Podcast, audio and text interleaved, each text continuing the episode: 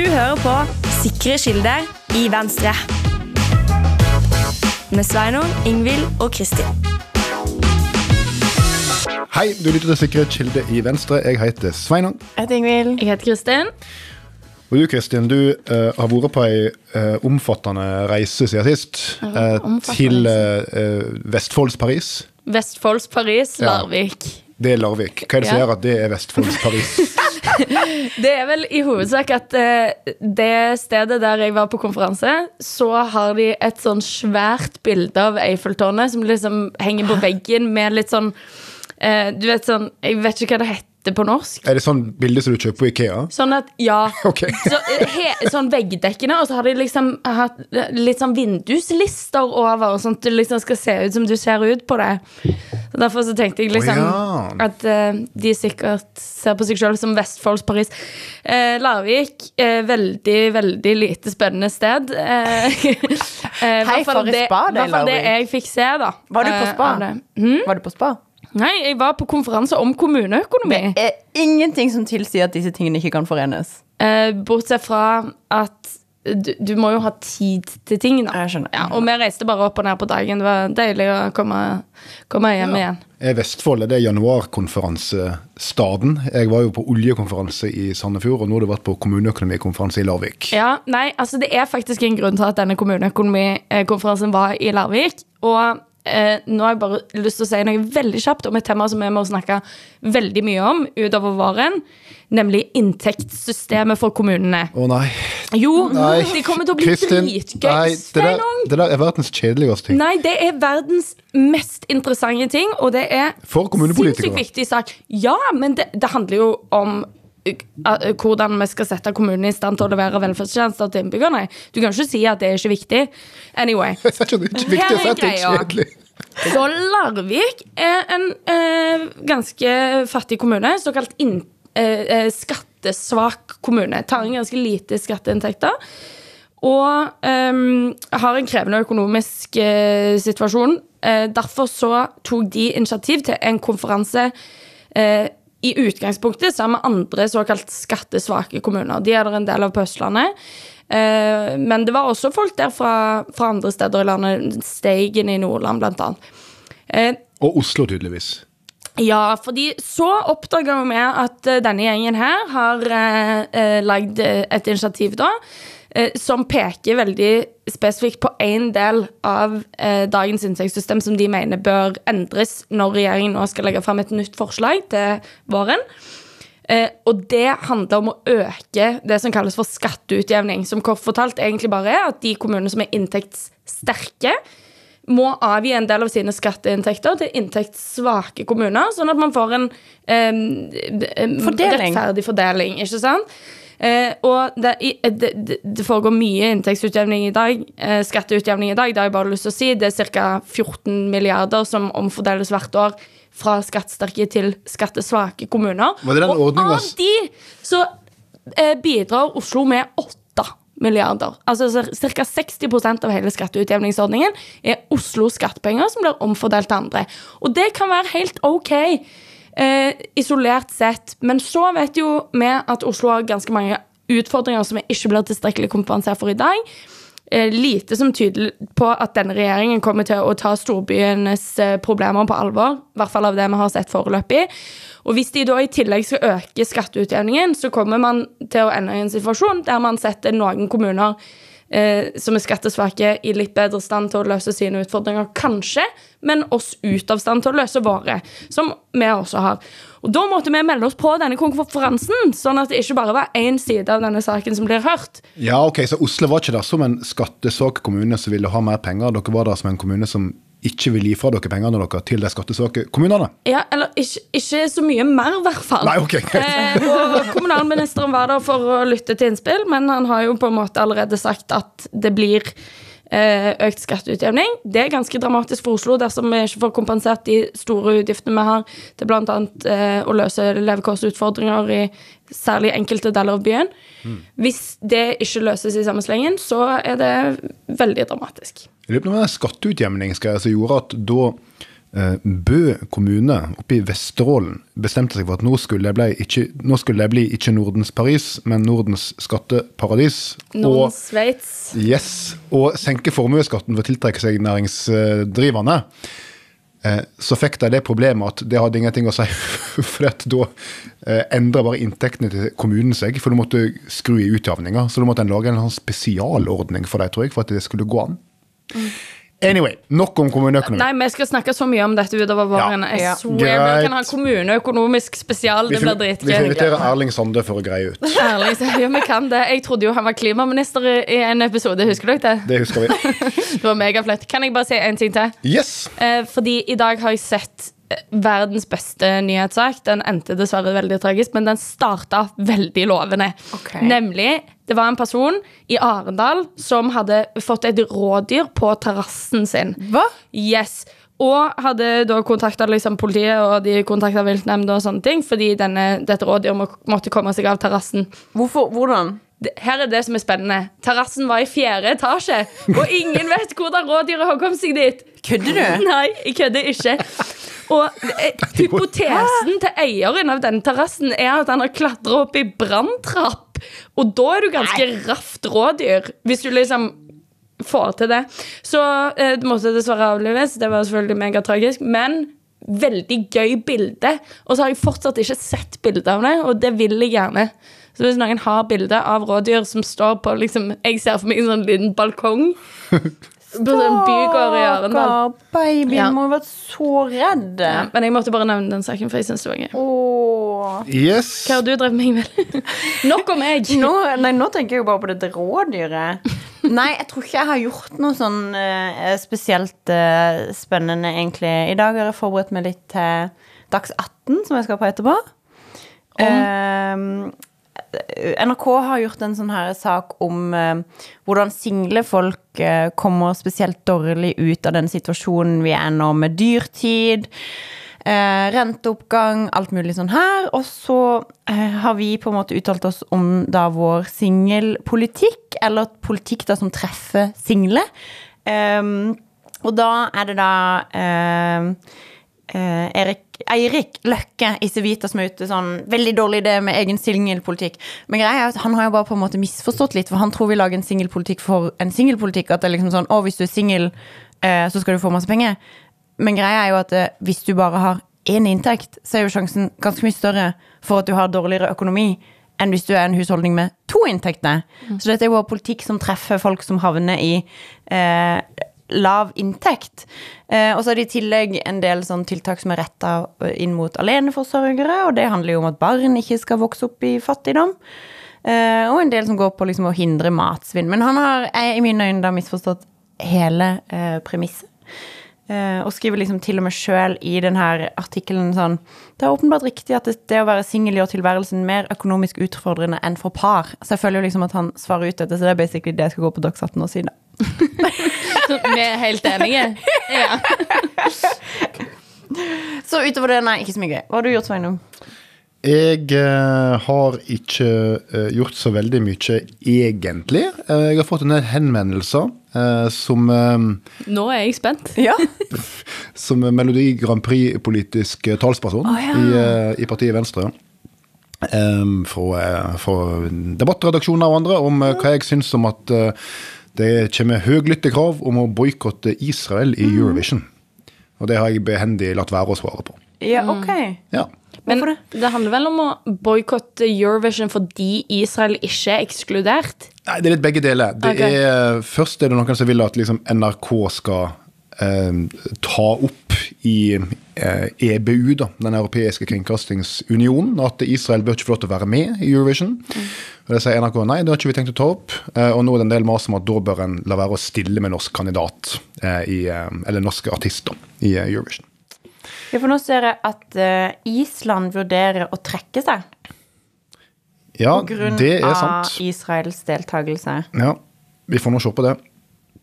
Jeg syns det er kjempevanskelig. Altså, greia er at Eurovision er jo ekstremt opptatt av at eh, det skal ikke være politikk. ikke sant? Eh, og det er jo faktisk sånn at hvis låten din har et politisk budskap, så får ikke du framføre den. Eh, så det er jo da eh, har skjedd flere ganger. F.eks. da Det var vel da Russland invaderte Georgia eh, i 2008, tror jeg det var. Eh, da vil jo Georgia stille med et musikalsk bidrag i Eurovision, både Russland og de er med, eh, med eh, tittelen We Don't Wanna Put In. Eh, og det fikk jeg ikke lov til. For det, det var tydelig hva det budskapet var.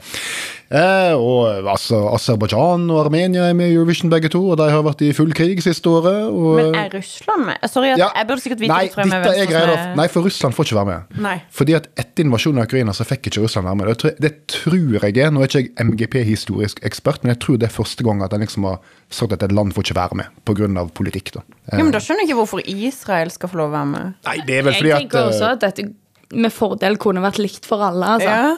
Ja, jeg tror vel argumentet vil være at uh, dette er jo offentlige kringkastere, ikke sant? NRK og så videre, og eid av myndighetene. Og alle myndigheter i Europa har full økonomisk boikott av Russland og gir våpen til de som kjemper mot Russland etc.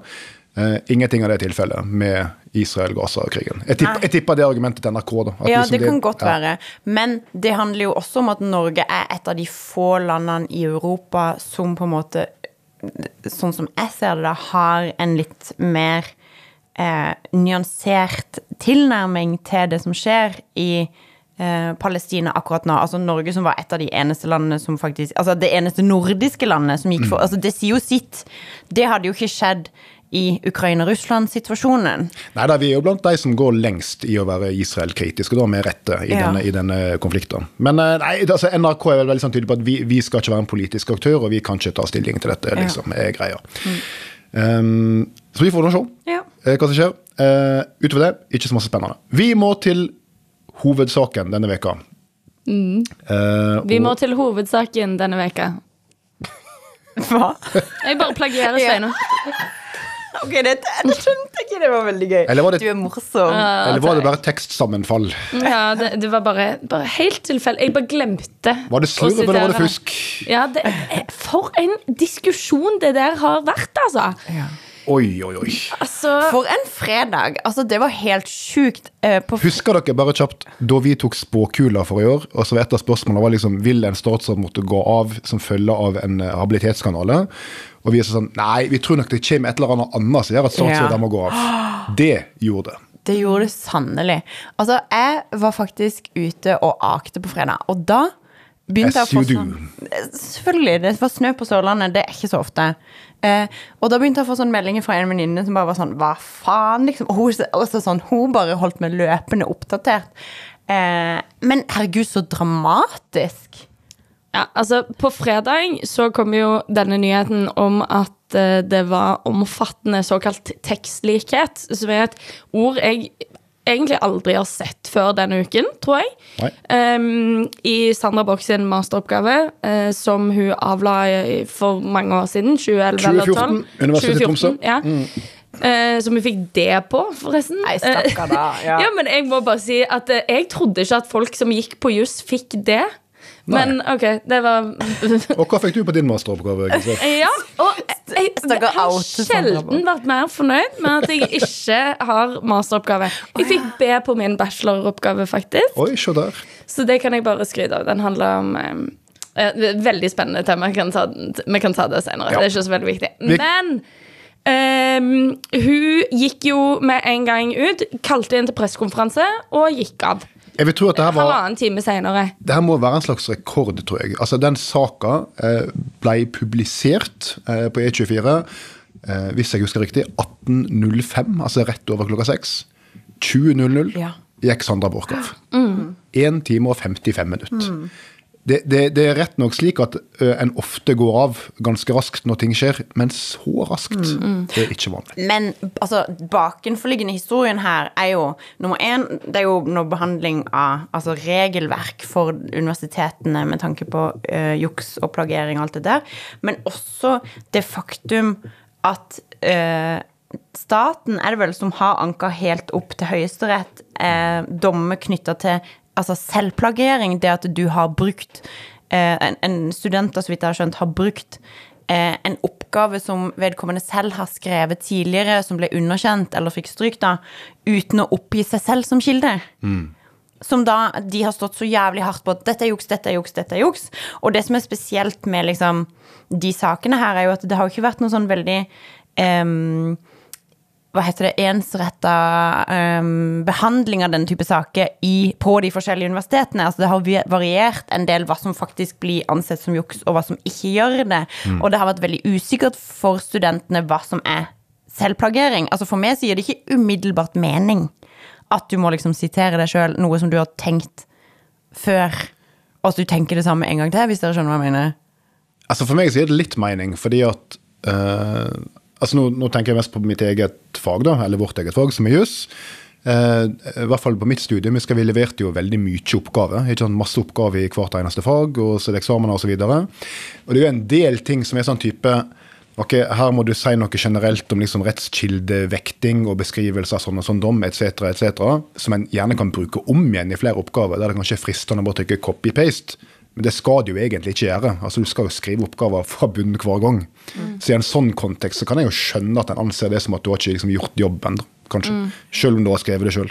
Men det som i alle fall ikke er lov, det er rent plagiat. Ja. Yes. Eh, og det å kopiere ting fra andre det, det er jo fra andres masteroppgaver dette er gjort. At eh, det er kopiert inn liksom hele avsnitt. Det er vel 20 av oppgaven hennes som de anser at er likelydende med noen andre sin tidligere oppgave. Um, og hun tok konsekvensen av det, som du sa, og gikk av uh, med en gang.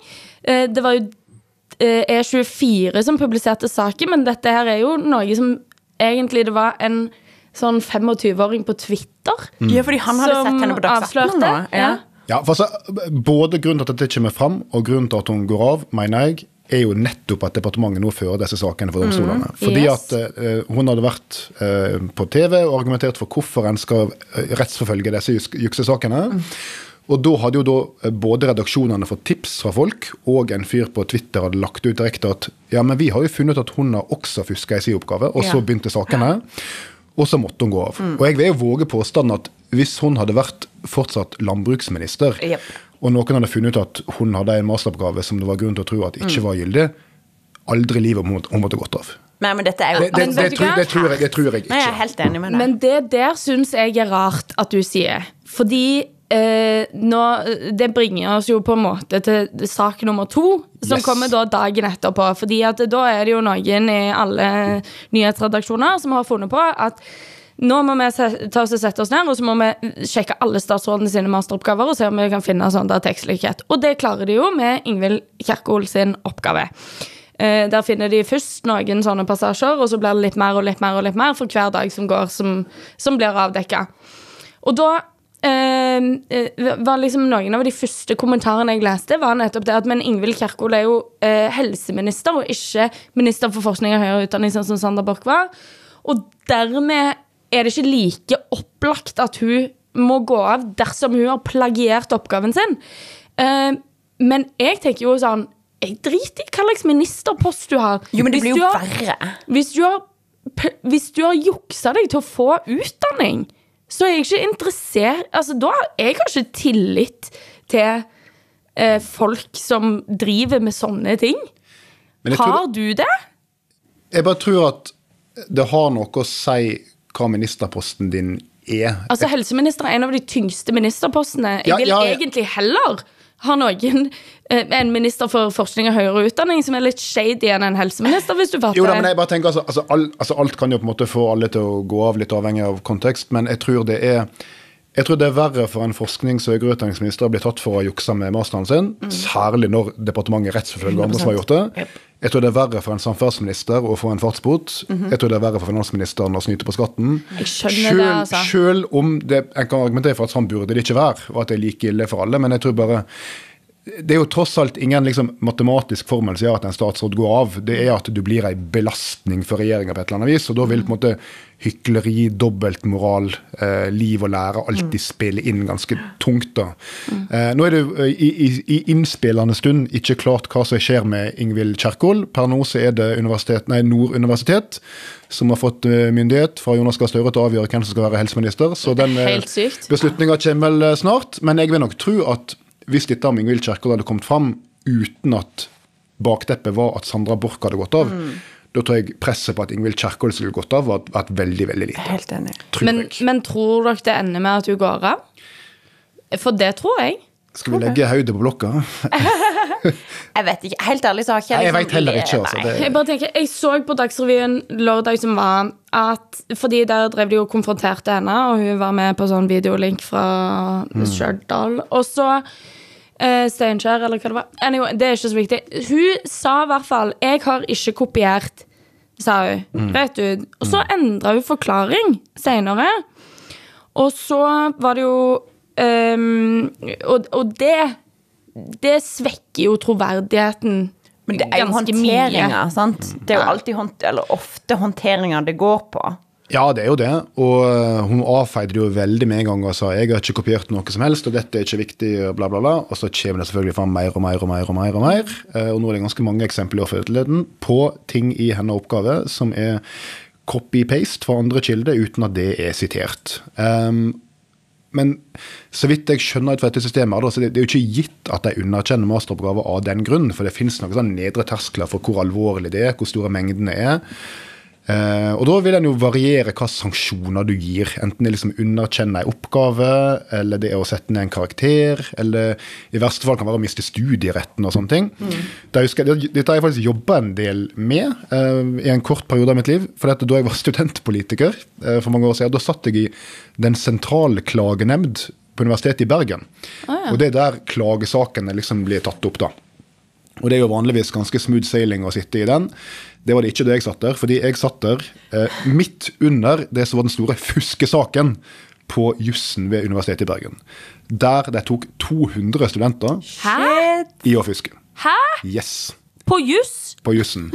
Og det var eh, ikke eksamensfusk, for den gangen så var jo eksamen ikke digitalt. Da satt vi og skrev for hånd, Ja. så det var egentlig ikke mulig. Altså, juks, da, det var å ha med seg en lapp i lomma. Liksom. ja. Eh, Men det var sånn digitale innleveringsoppgave som vi skrev hver uke på jussen. Det var veldig bra studieopplegg, syns jeg. Eh, Men det var likevel viktig for å få godkjent kurset. Leverte oppgaver hver uke. Og da var det mange studenter som fant ut at ok, men nå sitter vi jo eh, 350 studenter og skriver den samme oppgave her. Jeg kjenner jo han der. Lån meg de oppgaver. Copy-paste litt her, litt der. Levere inn, bli ferdig med det, så får godkjent kurset. Uten at de visste at universitetet da, på det tidspunktet, hadde innført en sånn der robot som skanna oppgavene. Det visste ikke studentene. Og når var dette? I Eh, 2009, tror jeg det var. Ja. 8 eller ni. Eh, og plutselig smalt det at den roboten hadde fått et par treff, gitt. Så da var det 200 studenter som ble eh, tatt for fusk. Og da satt vi i den nemnda, da. Og her er poenget mitt. Eh, og da var det ikke sånn at alle fikk samme konsekvens. Det, an, det kom an på hvor alvorlig det var, hvor ofte de hadde gjort det, hvor mye tekst det var snakk om osv. Det var faktisk så mange oppgaver at vi kunne ikke behandle alle sånn ordentlig individuelt. Vi måtte lage sånn typetilfelle og dele ut dommer på bakgrunn av det. da. Så vi hadde en rekke ulike reaksjoner. Så, så fusk er ikke noe nytt. Nei, men så finnes det så mange ulike typer også. eh, em, ulike måter å jukse på, og det har ulik alvorlighetsgrad. Eh, for det, eh, det, det Det som det vel kommer til å bety noe for om hennes oppgave eller, sånn som jeg har oppfatta det, så er det veldig alvorlig hvis det er såkalt forskningsjuks. Altså at man eh, sier at man har eh, dat... Altså Innhenta data. Eksakt. og, Som man egentlig ikke har.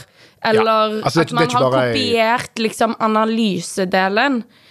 Ja, altså, altså Du har Eh. ikke bare kopiert en slags formulering om liksom sånn er verden, men du sier liksom at vår, vår forskning, våre våre er- intervju viser sånn og sånn, Ja. og så har du egentlig ikke gjort det, du har bare kopiert noe annet. Eksakt. Ja. Men- og det ja. kan være i denne saken, har jeg Det, skjønt. ja, og det er kjempealvorlig. Ja. Eh, Og det er det nok indikasjoner på at har skjedd her, da. Så Mm. det, det kan jo være tilfellet, altså. Men jeg må si, noe av det som jeg syns For dette er jo liksom sånn det, det- ja, Vi trenger jo ikke på en måte flere ting som gjør at folk på en måte mister tillit til politikere, for å si det sånn.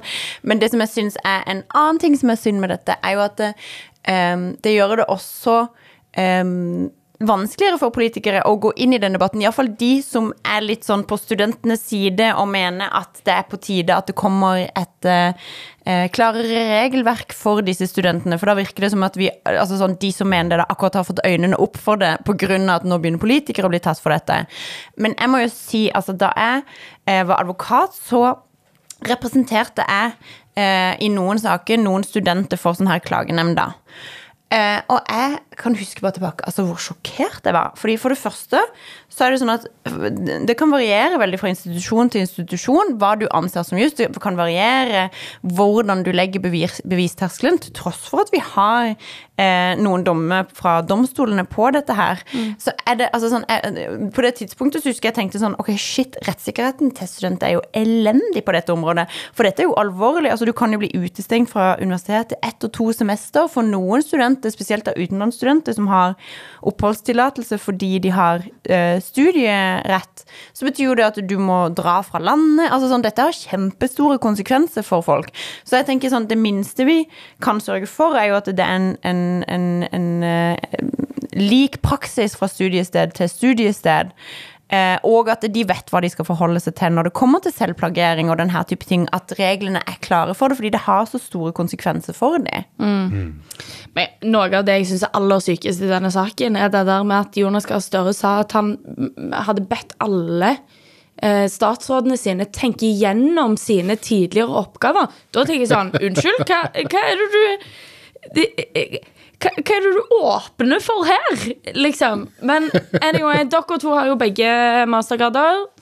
Eh, jurister sådan. Ja, tror vi, i alle fall. Ja. Enn så lenge.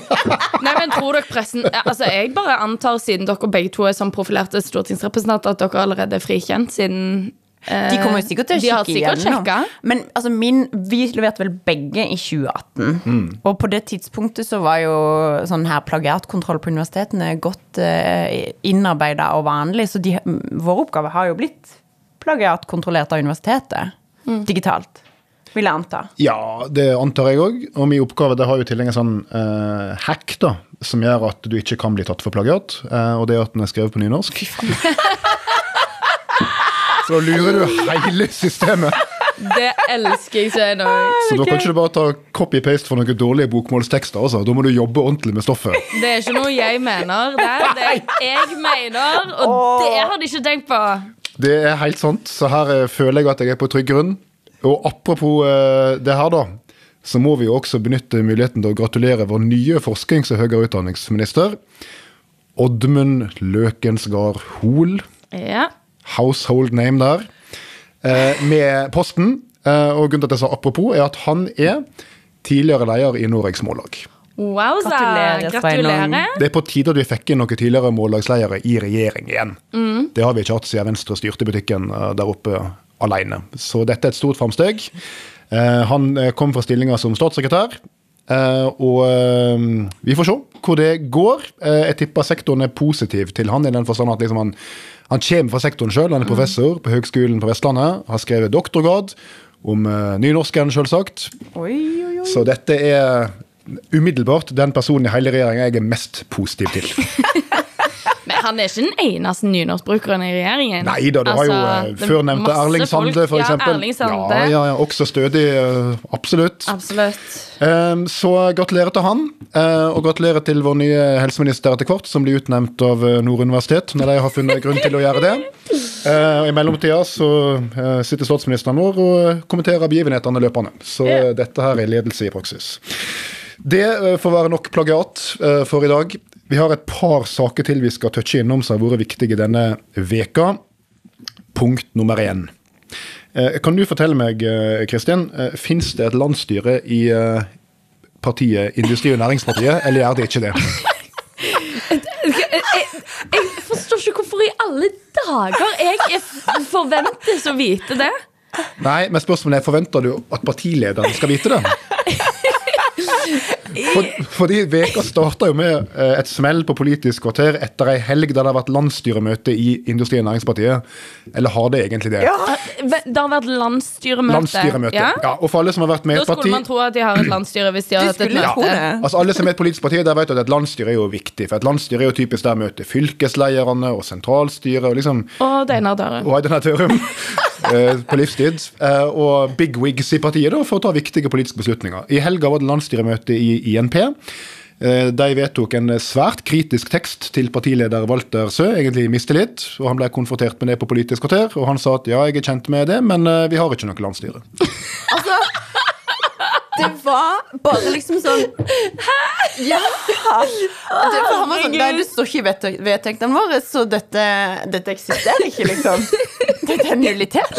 Så det har hatt et møte likevel, men Ja. eh, Og, så var det, altså, og det ble jo bare verre og verre og verre, Fordi i tillegg til det så var han jo sånn eh, Nei, men det er uansett om vi ikke har et landsstyre, så ble ikke dette godkjent, fordi denne ble skrevet halv to på natta.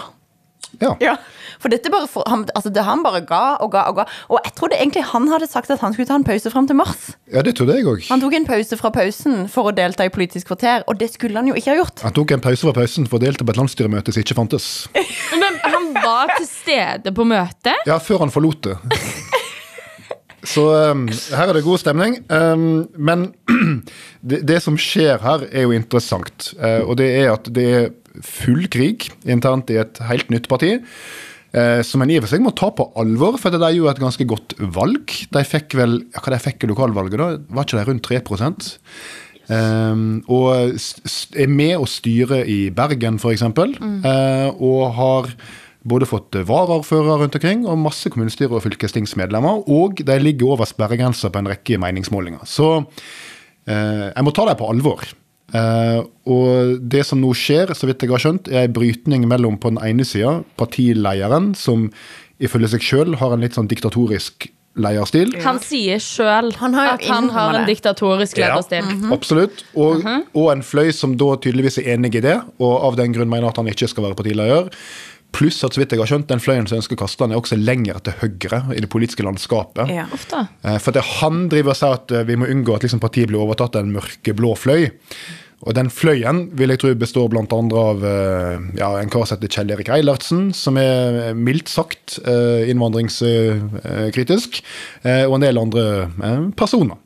Så her er det full krig. Og det er jo ikke så forferdelig rart, fordi det som skjer når du starter et nytt parti, der det alle er enige om, er at politikerne er udugelige, så nå skal vi møtes for å bekjempe dem, det er nettopp dette her.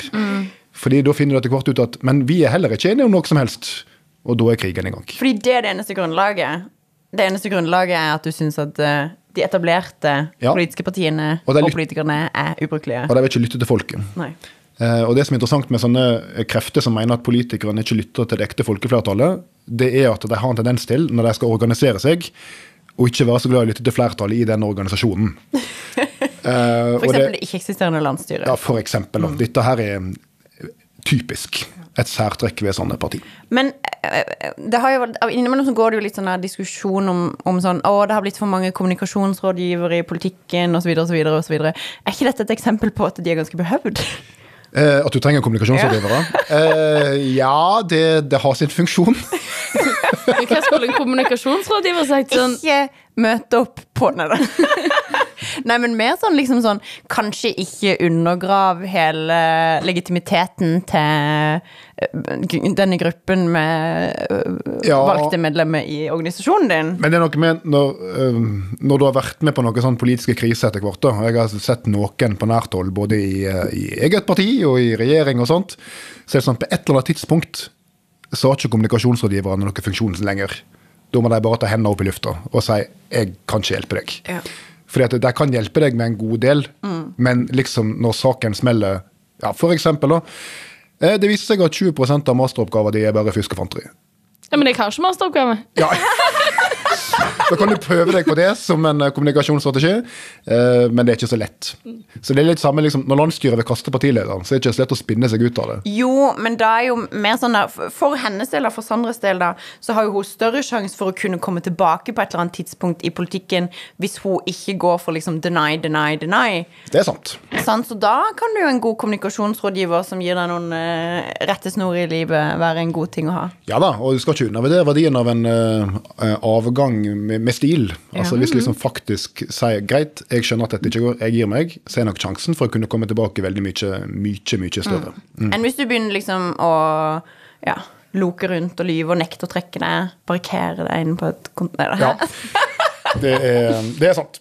Så eh, i INP, der eh, holder de på. Eh, jeg vet ikke helt hva jeg skal si at vi heier på, men Jeg heier i hvert fall- jeg heier i hvert fall ikke på IMP. nei. Det, og i dag kom det faktisk onsdag i dag kom Aftenposten med den første Oslo-målingen etter valget. Eh, og der var IMP inne i bystyret. Det var sjukt. Um, Ja. For øvrig en veldig interessant måling. Arbeiderpartiet går masse tilbake, og Venstre går opp og er større enn både Miljøpartiet og Nei, fantastisk. I love eh, eh, saker, bortsett fra det greiene med IMP, og så litt sånn annet div. Ja, nettopp. Det er bra. Eh, til sist så skal vi ha vår faste spalte, domsanalyse. Eh, Som vi av og til gjør hvis det kommer en spennende dom fra en tingrett eller en høyesterett. Eh, Og det har det gjort nå. Eh, Det har kommet en dom fra Oslo tingrett eh, som rett og slett har sagt at tre oljelisenser er ugyldige. Og Ingvild Thorsvik, vår sjorhavende jurist For now. For, now. For now. Med eh, presumptivt gyldig masteroppgave. Hva sier vi til dette, da? Nei, jeg føler jeg føler jo at du overselger det litt når du sier at, eh, at eh, vi skal gjøre en domsanalyse, for Nei. denne dommen har jeg faktisk ikke lest i sin helhet. Vi skal ikke ha full domsanalyse uansett, det er litt kjedelig. Men vi skal Men si hva det som har skjedd, er i hvert fall at de har vunnet. Miljøbevegelsen. Kidsa, miljøbevegelsen, altså Bellona og eh, Natur og Ungdom har saksøkt staten for å ikke ha konsekvensutredet skikkelig, ikke Ja. sant? Det, det er søksmålet. Ja. Ja, og det Og så vant de. Ja, for det fulgte På alle litt punkter. Eh, ja, Nei, ja. ja. omtrent. Og det, og det fulgte egentlig litt av sånn Det var en høyesterettsdom som sikkert mange husker for noen år siden. Det store klimasøksmålet. Mm, yes. Der en eh, rekke organisasjoner da gikk til sak eh, og påsto at liksom, åpning av noe oljeområde oppe i Barentshavet var i strid med Grunnloven. Og Da sa Høyesterett at nei, det er det ikke. Eh, og det var den store overskrifta. Eh, Men- men det Høyesterett også sa, var at men det følger av denne grunnlovsparagrafen at du har en nøye utredningsplikt om miljø- og klimakonsekvenser, også av å åpne oljefelt. Eh, og da eh, har jo Energidepartementet som konsekvens av det sagt eh, ja da, ja da, ja da, ja da, og fortsatt som før. Men det er jo det Oslo tingrett nå sier at nei, det kan dere ikke. Ja. Rett og slett. Helt utrolig interessant, for det var jo ehm, Det var jo et stort tap altså da, da søksmålet basert på Grunnlovens paragraf 112 ikke vant fram. ehm, så, så, så var jo det svært skuffende, spesielt da for disse organisasjonene. Eh, men det de fikk da, var jo denne prinsippavgjørelsen som i det, da det skjedde, virka veldig, veldig liten, men som de nå da faktisk har ehm, vunnet fram med i praksis, og de viser jo også konkret da, eh, til at det tolkes i lys av Grunnlovens paragraf 112. Og dette var jo også noe av grunnen til at vi stemte mot. altså Yggdrasil på Stortinget var jo nettopp det at det var ikke gjort en tilstrekkelig god eh, konsekvensutredning av det området. Det er riktig. Uh, Ikke så- for å være sånn det vi sa, men Nei, men, men det, det er jo rett og slett at domstolen sier at altså, Eller for å understreke det, da. De sier ikke at politikerne ikke kan bestemme seg for åpne oljefelt. Og det er veldig viktig å si. De sier at det, det er en politisk beslutning. Men fordi det kan ha så alvorlige miljøkonsekvenser, så følger det Grunnloven at når du tar den beslutninga, så må liksom den være så godt opplyst som mulig, og konsekvensene av den. Og det er først når du har gjort det, at du kan ta den beslutninga. Eh, og eh, så er det jo en ganske lang og interessant dom om liksom klimakonsekvensene av å åpne disse oljefeltene. Det er klart En del av dem vil jo føre til globale utslipp eh, tilsvarende mange ganger norske utslipp i et år, f.eks. Så, det, så det, det er jo viktig, dette her. Eh, og så er det en del sånn interessante eh, burns i, dommen. Eh, fordi at en ting en ser på, er jo sakskostnader, ikke sant? og hva sakskostnader kunne få dekka og sånt. Og her har det blitt brukt vanvittig med penger fra eh, et selskap som heter Rystad Energy. Eh, vi har vært innom dem før. Der skrev jeg en rapport om eh, kjernekraft i Norge, som jeg var veldig positiv til. Her har de også skrevet en rapport, som i hvert fall Oslo tingrett ikke er så positiv til, som handler om miljøkonsekvenser av norsk olje- og gassproduksjon.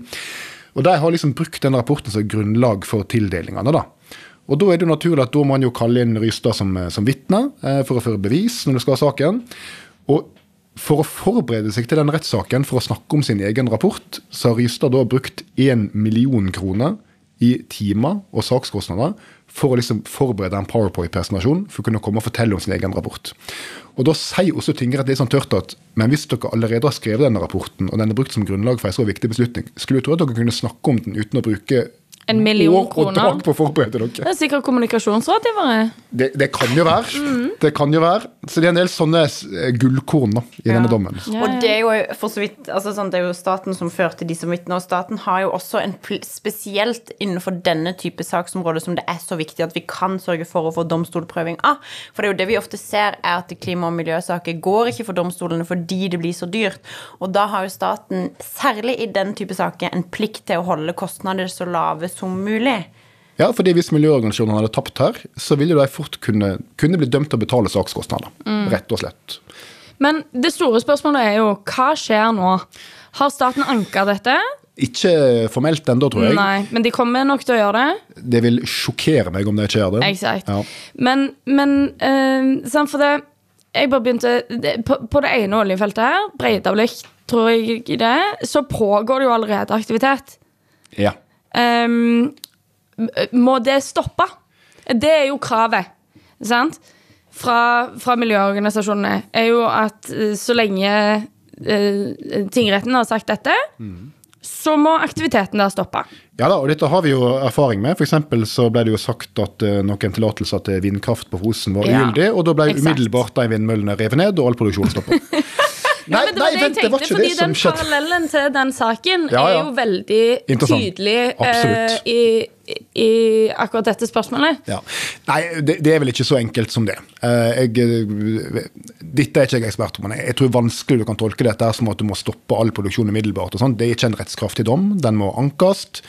Men hvis den ikke ankes, og har- den blir rettskraftig Da kan det jo hende at du rett og slett ikke kan fortsette, altså. Men de hadde jo, de hadde jo begjæring om midlertidig forføyning, Ja. Som de fikk medhold i. ja, det hadde de også. Um, og um, da kom retten til at staten kan forbys å fatte andre vedtak som forutsetter gyldig PUD-godkjennelse. Og PUD-godkjennelse er det som er liksom i siste fasen av En, altså en PUD er en plan for utvikling og drift, så det er liksom den endelige sånn nå kan dere sette i gang-greia. Ok, det, det viser seg at vi kanskje burde lest dommen mer i detalj før vi begynte å snakke om den, men tilbake eh, vi, vi kommer kommer ja. tilbake til de litt vanskelige detaljspørsmålene. Men essensen i dette her er jo eh, veldig interessant. Eh, Stortinget har vedtatt en miljøparagraf som nok mange på Stortinget mener at den ikke skal legge så masse i. Eh, det mener ikke Oslo tingrett. De mener at dette er ganske viktig. Og akkurat nå så tror jeg at eh, en sitter og gnir seg litt i hodet i Energidepartementet og tenker hvordan skal vi nå håndtere dette her. Men eh, at det blir en anke, det er jeg helt sikker på. Så nytt kapittel kommer, og da blir det ny domsanalyse. Gleder meg allerede. domsanalyse. Det er bare å glede seg. Ok, det var alt for i dag. Vi sier takk for oss. Shout-out til Erik Poppe, som hjelper Arbeiderpartiet med å lage nyttårstale. Vi skal ha Greta Gervig, som skal gjøre Guri sin. Ok. Ja, Da vet vi i hvert fall én ting. Hun får ikke noe Oscar for det.